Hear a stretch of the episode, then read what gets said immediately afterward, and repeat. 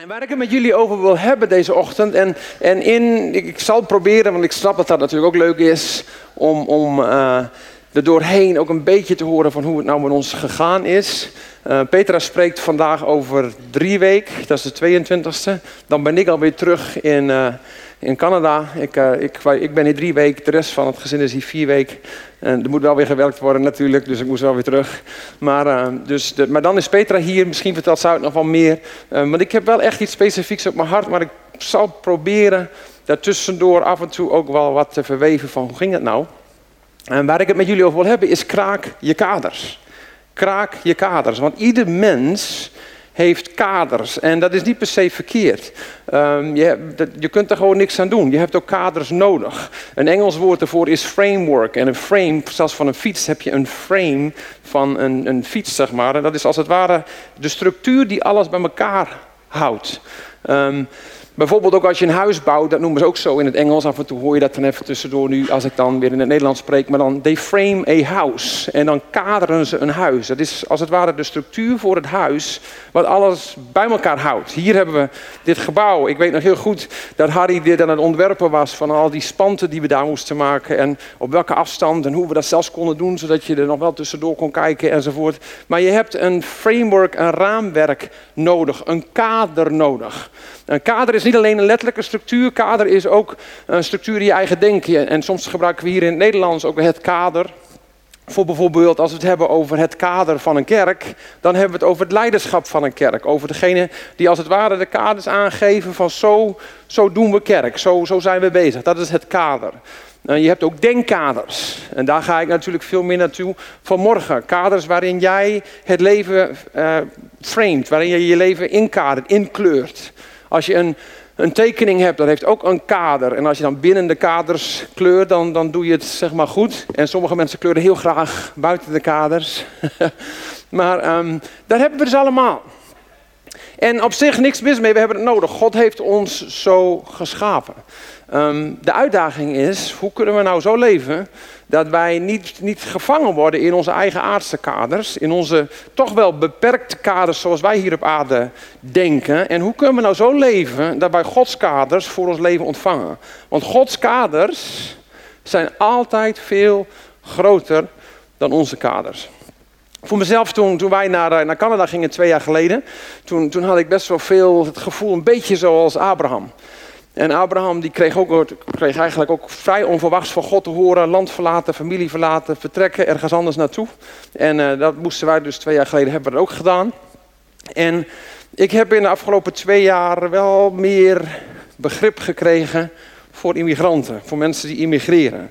In, in Canada is trouwens een immigrantenland, dus ook onze kerk uh, heeft heel veel mensen die dit ook mee hebben gemaakt. Dus wat dat betreft was het goed, want ik ben niet de enige met een accent. Het is een kerk vol met gekke accenten, dus daar kan ik ook een beetje lol over maken. En ze snappen het ook allemaal over hoe dat werkt met hier is je hersen, daar is je mond. En, en om in een andere taal te praten, dat is, best ingewikkeld. En emigreren om naar een andere cultuur te gaan is best heel ingewikkeld. Want je hebt kaders hier, je hebt een geschiedenis hier. Uh, ik moest daar mijn rijbewijs weer opnieuw halen. Had ik helemaal niet verwacht. Ik had gezorgd voor goede Engelse vertaalde papieren van mijn verzekering. Dat ik jarenlang zonder enige, dat ik zeg maar al een no-claim had waar ik recht op had. Nou, daar hadden ze in Canada helemaal geen boodschap aan. Dus je komt daar binnen met je kader. Maar binnen het kader van Canada was er helemaal geen ruimte voor. Dus rijbewijs opnieuw halen. En dat is gelukkig gelukt. En dat moest allemaal wel heel spannend. Eerst moesten zo plannen, want mijn Nederlands rijbewijs was daar 60 dagen geldig. Dus, maar zodra je dan je aanmeldt voor je rijbewijs, dan is die ongeldig. Dus er was een tijd dat ik bezig was met mijn rijbewijs. En toen chauffeurde Petra mij, want dan bleef zij nog even lekker op die van haar. En toen later deden we dat, uh, dat andersom. Ook op het gebied van bijvoorbeeld krediet in huizen kopen. Je, hebt hier, hier heb je een geschiedenis, daar heb je helemaal geen geschiedenis. Als je een bankrekening moet, moet openen, dan zeggen ze ook van wie ben jij? Wat kom jij hier doen? Uh, dus heel veel uitdagingen in een ander kader. En, en dan natuurlijk de cultuur leren kennen. En, en we hebben ervan genoten. De mensen die mij nog kennen van alle jaren dat ik hier was, die weten van ik hou wel van uitdagingen. En Petra en ons gezin allemaal trouwens.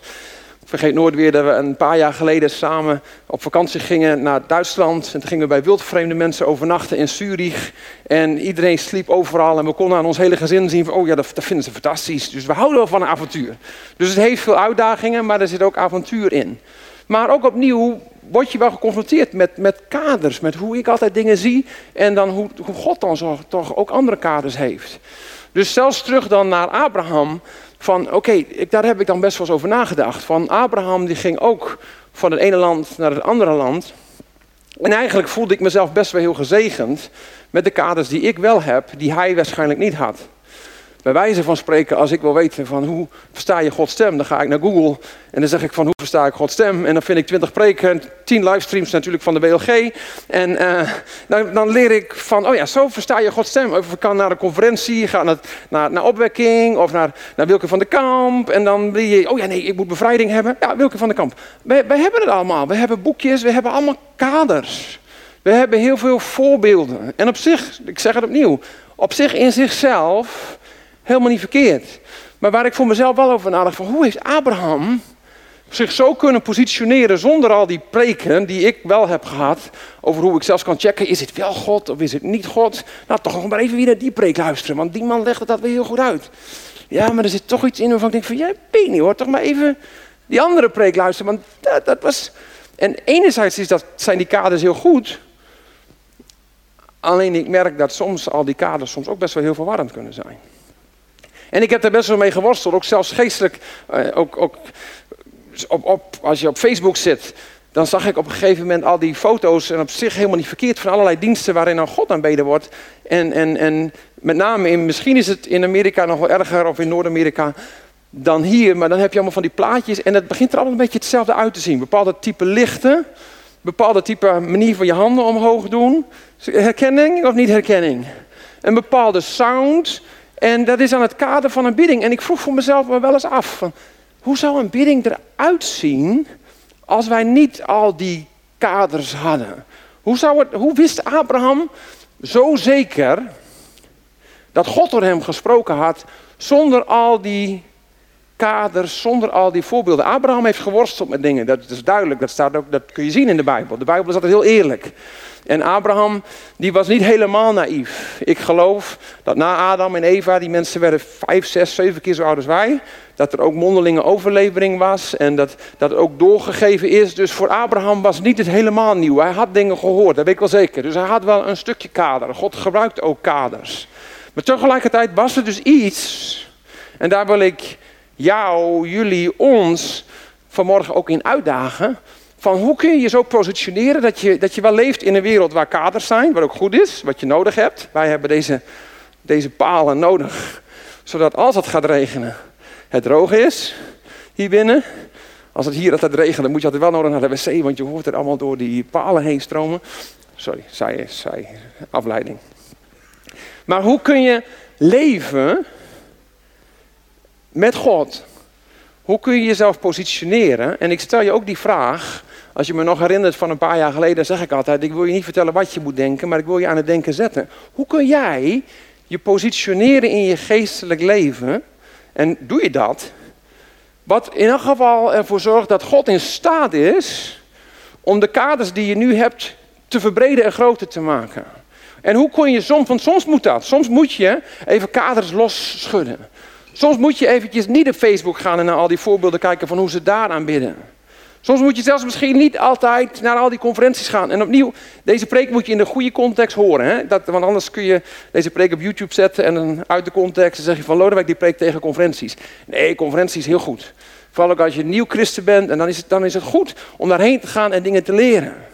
Maar soms als je al heel lang christen bent, dan, dan ben je misschien van conferentie tot conferentie gegaan. Heb je kader gehad en weer kader gehad. En toen bleek dat kader toch niet helemaal goed. En toen moest het toch weer anders. En, en als je dan hier uitkijkt, dan verlies je hoe je kunt positioneren om van God te horen. Wat je kader doorbreekt. Wat voor mij een heel krachtig voorbeeld daarin is, nog, nog groter dan, um, dan Abraham, is, is, is Mozes. Wat ik van hem heel, heel knap vind, is dat hij in zijn leven zich zo heeft kunnen positioneren. Dat, want hij is opgegroeid in Egypte, wat de hoogste, de grootste, zeg maar de, de, de, de meest ontwikkelde, de, de meest, zie nou had ik hem even, de, de meest ontwikkelde samenleving was van die tijd. Je had Egypte, je had Babylon en die mensen waren slim.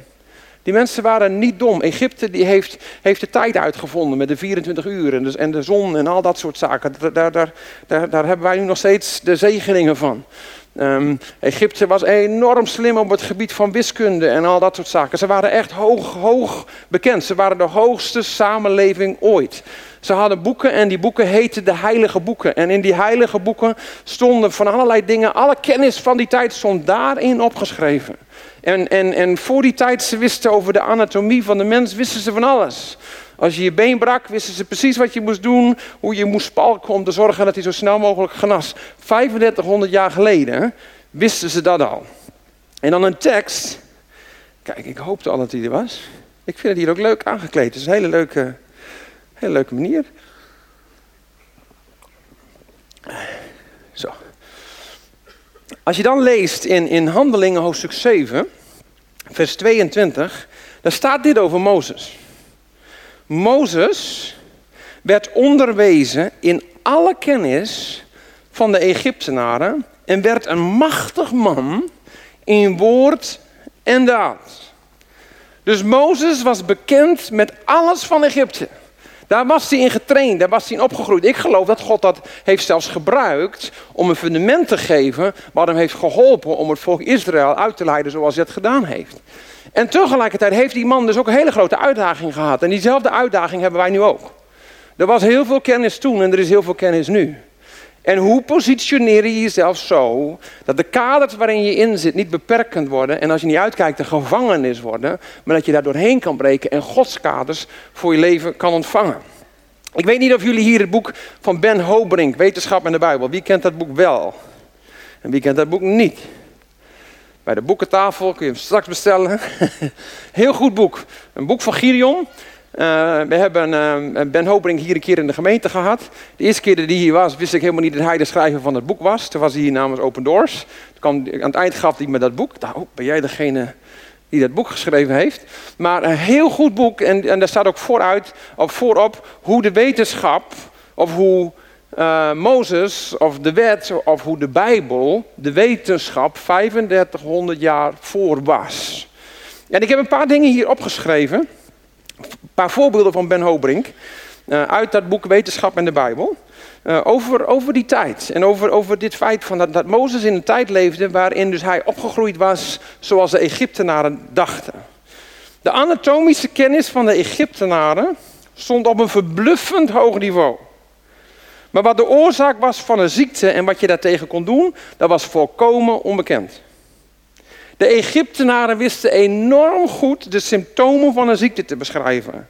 Maar hun methode om een ziekte te voorkomen of te genezen kwam niet veel verder dan het gooien van botjes, het uitspreken van bezweringen en het aanbrengen van vieze brouwseltjes op een zieke plek.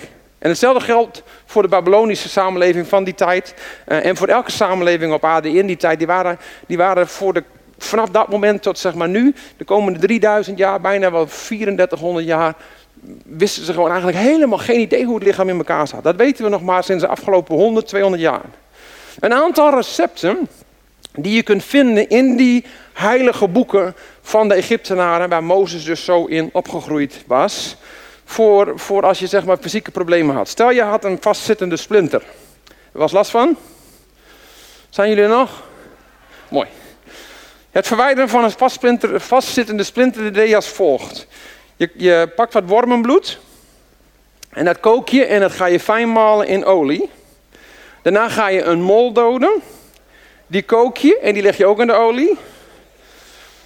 Dan pak je wat ezelsmest. Dat meng je met verse melk, wel verse melk.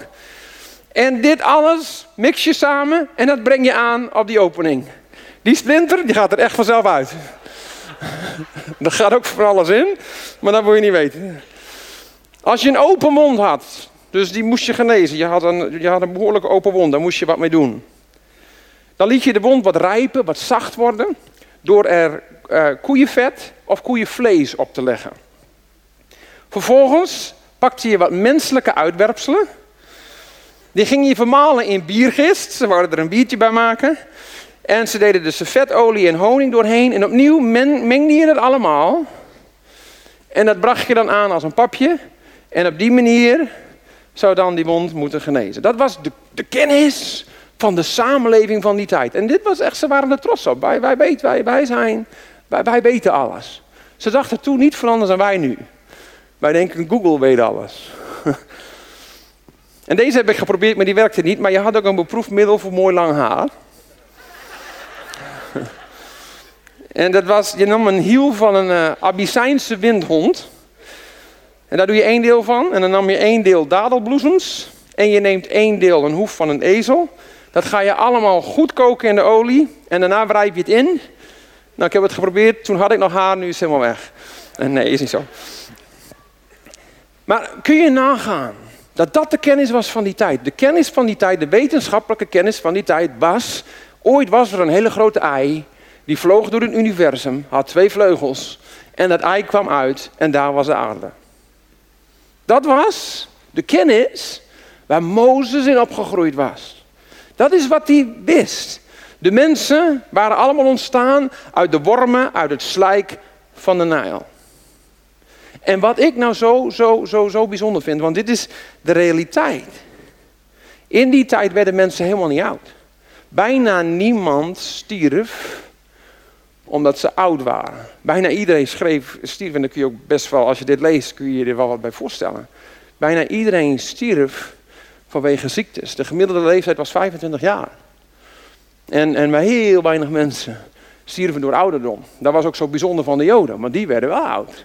En daar stonden ze ook op een gegeven moment onbekend. Daar werden ze zelfs om gediscrimineerd. Hoe kan het? Wat is er met hun? Maar zij deden de dingen die God zei.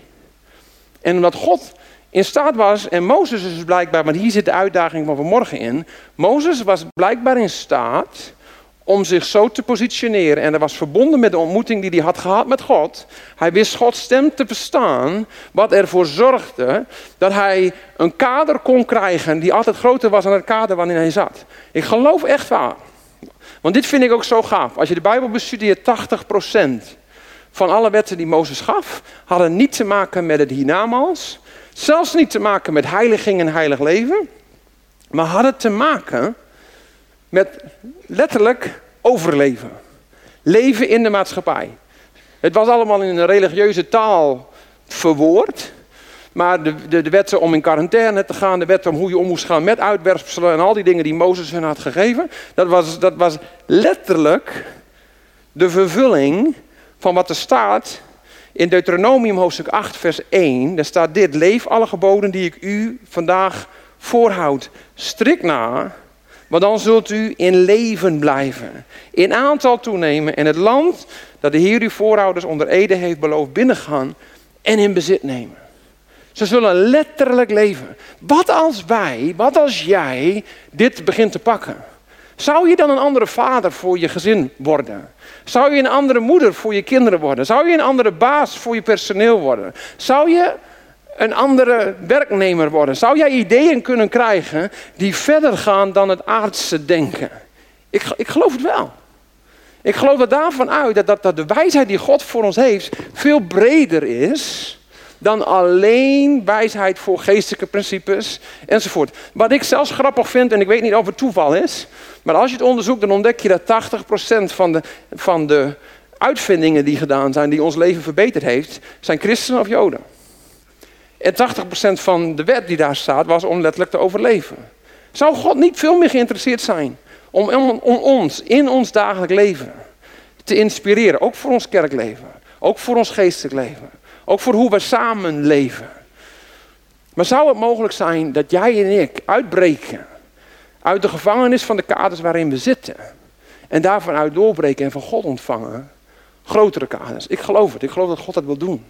God is geïnteresseerd in jouw eeuwig leven. God is geïnteresseerd in jouw redding. Hij wil jou voor eeuwig bij zich hebben. Maar zoals ik God ken in zijn woord. Hij is geïnteresseerd in jouw dagelijks leven. Hij is geïnteresseerd in jou vandaag. Hij heeft oplossingen voor je. Hij heeft gedachten voor je. En we gaan daar komen natuurlijk. Want ik ga je niet alleen vragen stellen. Ik ga je wel wat gedachten geven. Om je te helpen. Van oké, hoe kun je dat nou doen? Hoe kun je dat nou ontvangen? Hoe kun je en ik, ik, ik zei het ook al, van, ook toen wij naar Canada gingen, werden we geconfronteerd met een hele hoop zaken die niet altijd even gemakkelijk waren. Het was mooi en we weten dat God met ons was en is. En we ervaren echt Gods zegen en Gods vrede. Maar soms waren er ook uitdagingen. En toen moest ik in mijn eigen relatie met God gewoon zeggen van... Heer, ik wil, ik wil binnen uw kaders blijven leven. Ik wil van u ontvangen. Ik wil mijn eigen kaders loslaten. En dat was niet altijd even makkelijk. Soms voelde, was het enige wat ik had, was die onderstroom van vrede. Waarin soms ik om me heen keek van... Heer, hoe zit dit dan? En hoe zit dat en hoe zit zus? Maar om je te positioneren, Heer, uw wil... Ik wil zijn als Abraham. Ik wil zijn als, als Mozes. Om in mijn leven elke dag opnieuw uw principes te ontvangen. Van u, volgens uw leven. Sorry, ik heb een kikkertje in mijn keel.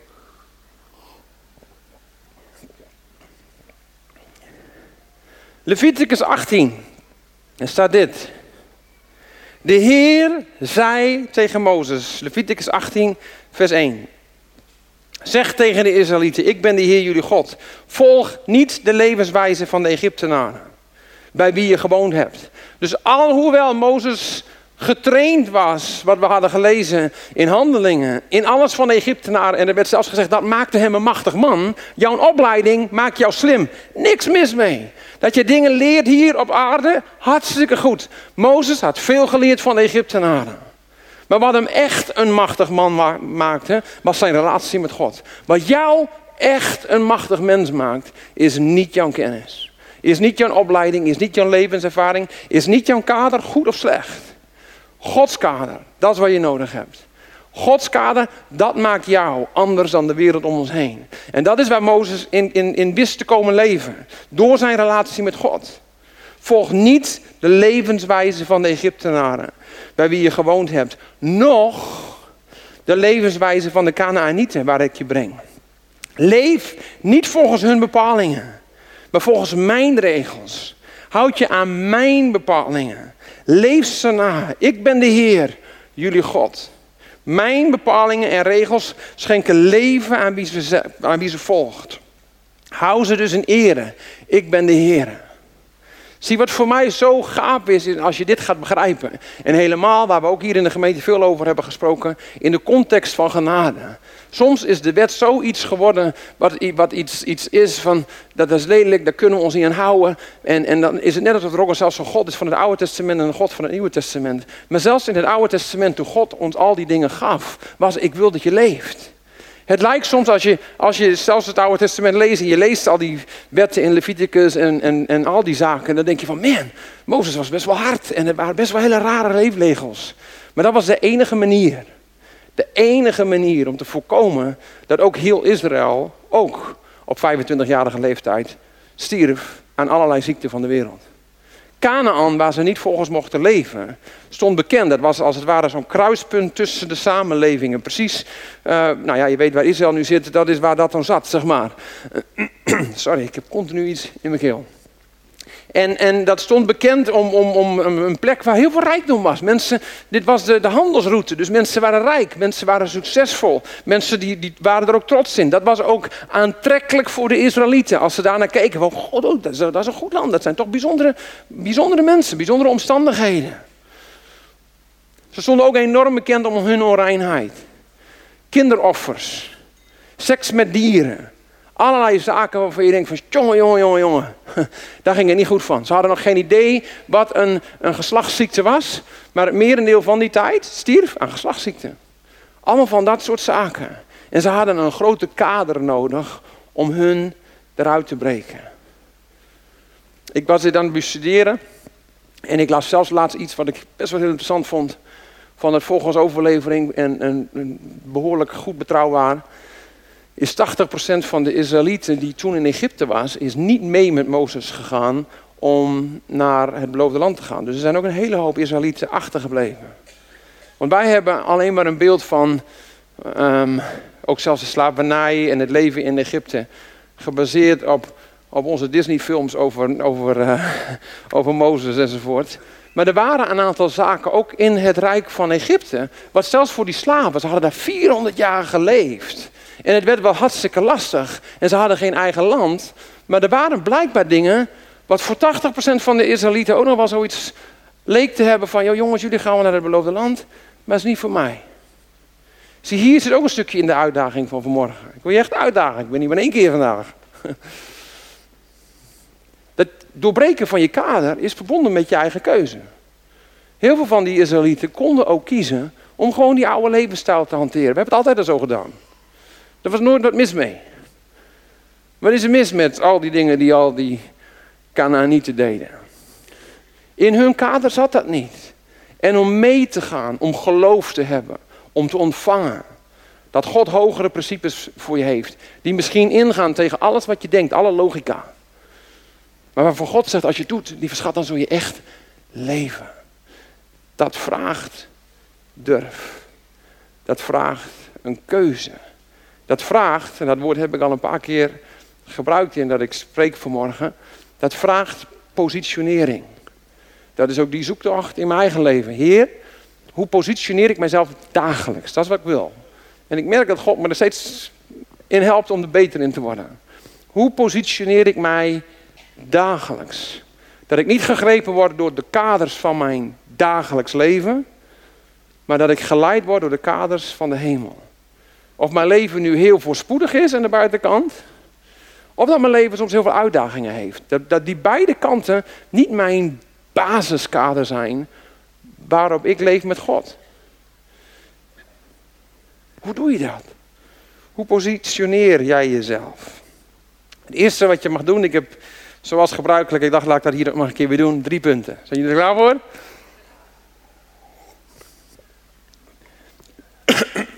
Ik moet even, even, even goed hoesten hoor. ja.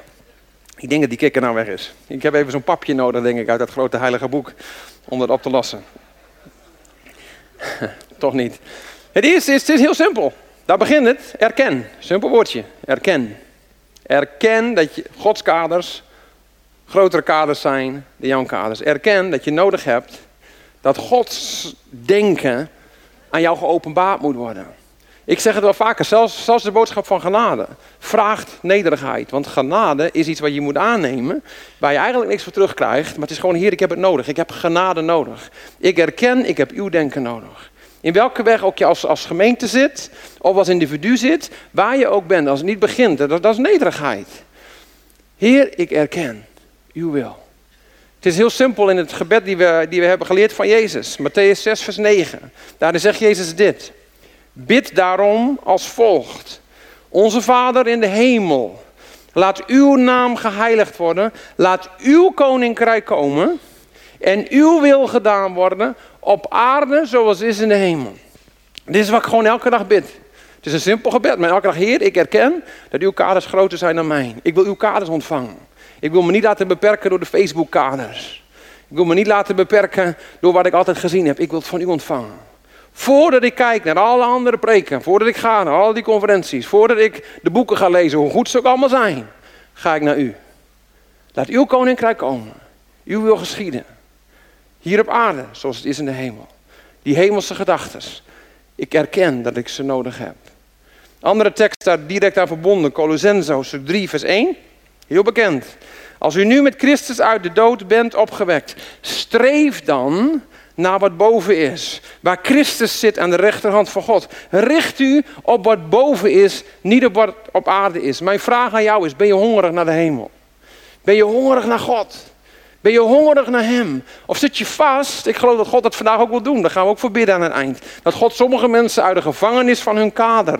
En opnieuw, ik heb, niet alle kaders zijn fout. Maar sommige kaders worden een gevangenis voor, je, voor jou, voor jouw denken, voor jouw leven. Waardoor je niet Gods kaders meer kunt ontvangen. En daardoor mis je zegeningen van God. En God wil je eruit breken. Maar ben je hongerig om eruit te breken? Of is het kader wel heel comfortabel? Is het wel lekker? Egypte is ook wel weer fijn. En de rijkdom die we hebben in Canaan is toch ook alweer heel gaaf. We leven, leven niet zo lang, 25 jaar. Maar goed, dan heb je ook wel een leven. Ja. Erken. Richt je op wat boven is. Als we straks gaan bidden, maar die laatste vind ik helemaal gaaf. Waar we mogen komen over hoe God ons wil helpen hierin. Maar het begint hiermee. hiermee. Het begint met een honger, het begint met een passie. Ik leer dit steeds meer, ook op het gebied van gebed. Daar zijn we in Canada ook veel mee bezig, ook in de gemeente. Over, over het belang om, als, als gemeente een biddende gemeente te zijn. En niet vanuit wet, omdat het moet en omdat je allemaal naar de bidstond moet komen. Maar vanuit een passie en een besef dat gebed de enige manier is om je te positioneren, om je te verbinden met God. Waarom denk je dat Mozes zoveel tijd in die tent doorbracht? Hij was in de aanwezigheid van God. Hij was op de berg met God om die hemelse kaders te ontvangen. Hij had het nodig om een ontmoeting met God te hebben. Om los te breken van die kaders waar hij als een leven lang, 80 jaar, eerst 40 jaar in Egypte en daarna 40 jaar met zijn schaapjes. Hij had daar helemaal in gezeten. En God moest dat kader doorbreken. En dat begon met ook in de aanwezigheid van God zijn. Gebed, tijd daarvoor nemen. Ik weet dat het zo moeilijk is om. En sommige, ik hoorde dat laatst ook nog weer van iemand, dat was in Canada, die wilde ook iets opstellen voor een afdeling. En van, uh, dat je elke dag een uur bidt. En ik zei: Wil je dat wel zo omschrijven? Want dan komt, komt er ook bijna in, dat moet dan van zes tot zeven. Ik weet ook dat je vroeger wel eens van die mannenbijeenkomsten had, daar ben ik ook wel eens voor uitgenodigd. En dan gingen ze s ochtends om half zes bidden. Nou, dat, dat, dat was niet ik. Sorry, dat, dat zes uur bidden. Acht uur s'avonds, fantastisch. S ochtends om zes uur. En sommige mannen bel. Dus het werkt voor sommigen heel goed. Dus dat is goed. Want het gaat niet om dat je het volgens een bepaalde manier doet. Het gaat erom dat je het doet. Snap je wat ik zeg? Zijn jullie nog steeds met me? Dan zeg ik, oh ja, dat is Engels. Zijn jullie nog steeds? Are you, are you still with me? Zeg je dan. Uh, dan zeg yes and amen, glory, hallelujah. Zo gaat dat dan. Uh, heel leuk. Amen op zijn Gronings. Hè? Zo, dat kan ik ook nog. maar erken, erken dat je het nodig hebt. En richt je op boven. Nummer twee, en deze vind ik heel gaaf. Vraag. Het is heel simpel. Het is vraag. Je hebt niet omdat je niet vraagt. Wat ik mooi vind is als Lucas beschrijft dat bekende Bijbelgedeelte waarin, en we gaan hem zo lezen, waarin Jezus vertelt over dat we mogen vragen en dat de Vader, als we ons eh, ergens om vragen, dat hij ons geen steen gaat geven als we hem vragen om een brood. De context, het laatste zinnetje, is heel bijzonder, want dit laat een gebed zien waarvan ik zeker weet dat als we hierom vragen, dit is waar God de belofte om geeft, als je hierom vraagt, zal de Vader je nooit iets anders geven dan waar je om vraagt. Sommige mensen zijn hier namelijk heel bang voor. Ook, ook in diensten waarom gebeden wordt, ik geef hem al een beetje weg voor de Heilige Geest. maar wat als het iets demonisch is? Wat als het niet van God is? Lees met me mee. Lucas 11, vers 9. Daarom zeg ik jullie, vraag. Is hij er? Op het scherm, Lucas 11, vers 9. Het is goed dat we hem zien. Ja, daar is hij. Dankjewel. Vraag en er zal gegeven worden. Zoek en je zult vinden. Klop en er zal voor je open worden gedaan. Welke vader onder jullie zou zijn kind als het om een vis vraagt, in plaats van een vis een slang geven? Of een schorpioen als het om een ei vraagt? Als jullie dus, ook al zijn jullie slecht, ook al zijn jullie gewoon menselijk, je kinderen al goede gaven schenken, hoeveel te meer, en let op hier wat hier staat, zal de Vader in de hemel dan niet de Heilige Geest geven aan wie hem erom vragen. In Matthäus staat dat stukje Heilige Geest niet bij, maar hier in Lucas wel. En dat vind ik gaaf, past ook precies weer wat Lucas wil overbrengen. Maar die, die, die verbindt deze gelijkenis met het vragen. Niet alleen vragen, ik wil kennis hebben. Vragen, ik wil toch ook wel begrijpen grotere kaders. Vragen, ik wil de sleutel hebben tot succes, zodat ik precies die uitvinding kan doen waardoor ik multimiljonair word. Dat is ook leuk. Maar hier staat vraag en het is gekoppeld aan de Heilige Geest. Het is gekoppeld, de Heilige Geest is gekoppeld aan de aanwezigheid van God. Dat is wat Mozes ook had. Die had de aanwezigheid van God. Hoe positioneerde hij zich? Hij was in de aanwezigheid van God. De Bijbel zegt dat doordat Jezus voor ons aan het kruis is gegaan, wij nu toegang hebben, beschikking hebben tot de gave, de gave van de Vader, de belofte van de Vader. En de belofte van de Vader is de Heilige Geest. En de Heilige Geest is Gods, Gods aanwezigheid hier op aarde. Beschikbaar voor jou. En wat God daarvan zegt tegen jou, is vraag en je zult ontvangen. Dus ga niet alleen plannen om te bidden, maar als je je dan positioneert, als je dan erkent, Heer, laat uw wil geschieden hier op aarde, zoals het is in de hemel. Ik vraag nu, en waar vraag je om? Heilige Geest, ik heet u welkom. Ik weet dat ik weet dat ik weet, op basis van Gods woord, als ik nu vraag. En dat hebben we al gedaan en ik ga het straks weer doen en ik blijf het continu vragen. Zelfs in mijn geest vraag ik het. Heilige Geest, u bent welkom hier. Dan is zijn aanwezigheid hier. Hij is hier. Als wij dat nu vragen, als je het nu vraagt, je hoeft niet te wachten tot ik het straks doe. Als je nu vraagt, Heilige Geest, kom, ik heb u nodig. Dan komt hij. Dat is, dat is de belofte. Dat is waarvan Jezus zegt, mijn hemelse vader is, is beter dan enige aardse vader. En voor hem geldt als enige, enige, enige aardse vader dat dan niet doet dat je vraagt om een steen, dat je dan een brood is voor Nee, als je vraagt om een brood, dat je nog geen steen krijgt. Als je de hemelse vader vraagt om zijn geest, dan geeft hij jou dat. Dat is een zekerheid. Soms twijfelen we erover, omdat we ook de aanwezigheid van Gods geest zo gekoppeld hebben aan bepaalde ervaringen en gevoelens. En er zijn ervaringen en gevoelens die te paard gaan met Gods geest. Maar opnieuw, als dat het kader wordt, waardoor je denkt ik heb het wel of ik heb het niet, dan mis je het ook. Maar Gods kader is gewoon simpelweg, ik herken dat ik u nodig heb, ik ben hongerig naar u, ik heb uw aanwezigheid nodig, elke dag. En ik vraag, elke dag, Heilige Geest, hier ben ik, kom. Vul mij, vul mij geest van God. Ik heb u nodig. Ik heb u nodig op mijn werk. Ik heb u nodig om een goede man te zijn voor mijn vrouw. Om een goede moeder te zijn voor mijn kinderen. Heilige Geest, ik bid, ik vraag. Ik erken dat ik het nodig heb. Uw gedachten zijn hoger dan mijn gedachten. Niet mijn wil, maar uw wil geschieden. Het is allemaal zo bijbels. Het is allemaal zo simpel. Het is allemaal zo logisch. Maar soms zitten we zo vast in onze aardse kaders. Dat wordt vergeten. De laatste is dit. Ontvang. Ontvang. Erken. Vraag. Ontvang. In de erkenningsfase zeg je van, hé, hey, ik erken dat ik het nodig heb, dus ik ga er tijd voor nemen. Elke dag probeer ik zo'n moment te zoeken dat ik in uw aanwezigheid wil zijn. En dan als je dat dan doet, dan zeg je, Heer, ik vraag, kom, kom Heilige Geest. Ik heb u nodig, ik heb uw inzicht nodig. En dan mag je het gewoon ontvangen. Verschillende teksten die ik daar zou kunnen geven, maar ik vind deze altijd heel gaaf, want dat, dat laat ook iets zien dat Gods geest is slim. Gods geest is een planner. Ik vergeet dat nooit weer dat ik dat er heel, heel, heel stoer vond klinken als een spreker kwam. En die zei van, ik had een preek, maar God heeft me nu een andere preek gegeven. Dat voelde altijd heel geestelijk. Ik dacht, oh, dat moet ik ook eens een keer doen. en totdat God dan begon, begon te spreken, joh, als ik de hemel en aarde gemaakt heb, als ik zo'n planner ben van alles wat, wat ik doe, is de Heilige Geest, de Heilige Geest is strategisch. De Heilige Geest is een planner. De Heilige Geest wil je dingen openbaren. Die wil je helpen die is veel minder vaag dan wij hem soms maken. Het is niet een of andere grijze, wollige wolk die uit een, een of ander potje komt en dan eruit komt. De Heilige Geest is God zelf. Die is slim, die is strategisch, die is liefdevol en die is beschikbaar. En daarom is dit fantastisch wat hier staat. 1 Korinthe 2. Lieve mensen, ik ben bijna aan het eind. Don't worry. Toch is wat wij verkondigen wijsheid voor wie volwassen is in het geloof. Het is echter niet de wijsheid, en dit is wat ook Mozes te pakken had, en Abraham, en wat jij te pakken kunt hebben, ook vandaag. Het is niet de wijsheid van deze wereld en haar machthebbers, want die zullen ten onder gaan. Google, hoeveel kennis die ook heeft, heeft niet genoeg kennis.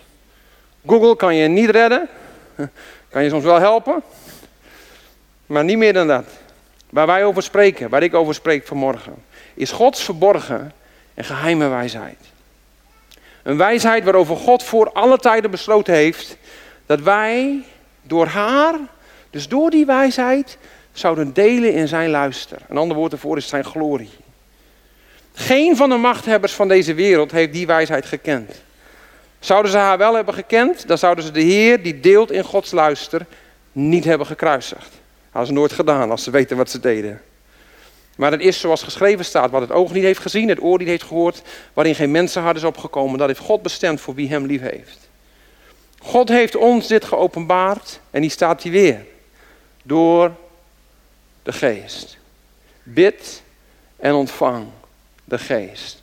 God openbaart door de geest. Waarom denk je dat de vijand zo graag wil dat zoveel mensen bang zijn voor de Heilige Geest? Omdat die weten dat daar de bron van alle wijsheid zit. Want de geest Gods doorgrondt alles, ook de diepte van God. Wie is in staat de mens te kennen behalve de geest van de mens? Zo is alleen de geest van God in staat om God te kennen. Erken, vraag, ontvang. Ik had er zo'n zin in om hier weer te zijn en niet om een goede preek te houden. maar gewoon om jullie weer te zien. Ik vond het heerlijk wat Peter net ook even zei. Van, dank u wel dat toen hij bad en, en de dienst opende op, op een moment. Van het is heerlijk om eh, Peter aan Lodewijk en de kinderen te hebben, want ze zijn deel van ons. Zo sta ik hier. Maar in dat stukje, in dat ik er naar uitzie om hier wat te delen, dit ene moment die ik vandaag heb, wil ik jullie aanmoedigen. Om niet vast te zitten. En die aanmoediging is net zo goed een aanmoediging voor mezelf. Ik leef dit elke dag en ik leer dit elke dag. En ik ben hier echt niet altijd elke dag. Maar ik wil mijn kaders kraken. Ik wil groter zijn dan de kaders van Canada, Nederland, Groningen, Loppersen. Ik wil Gods kaders voor mijn leven. Ik heb hem nodig. Jij hebt hem nodig.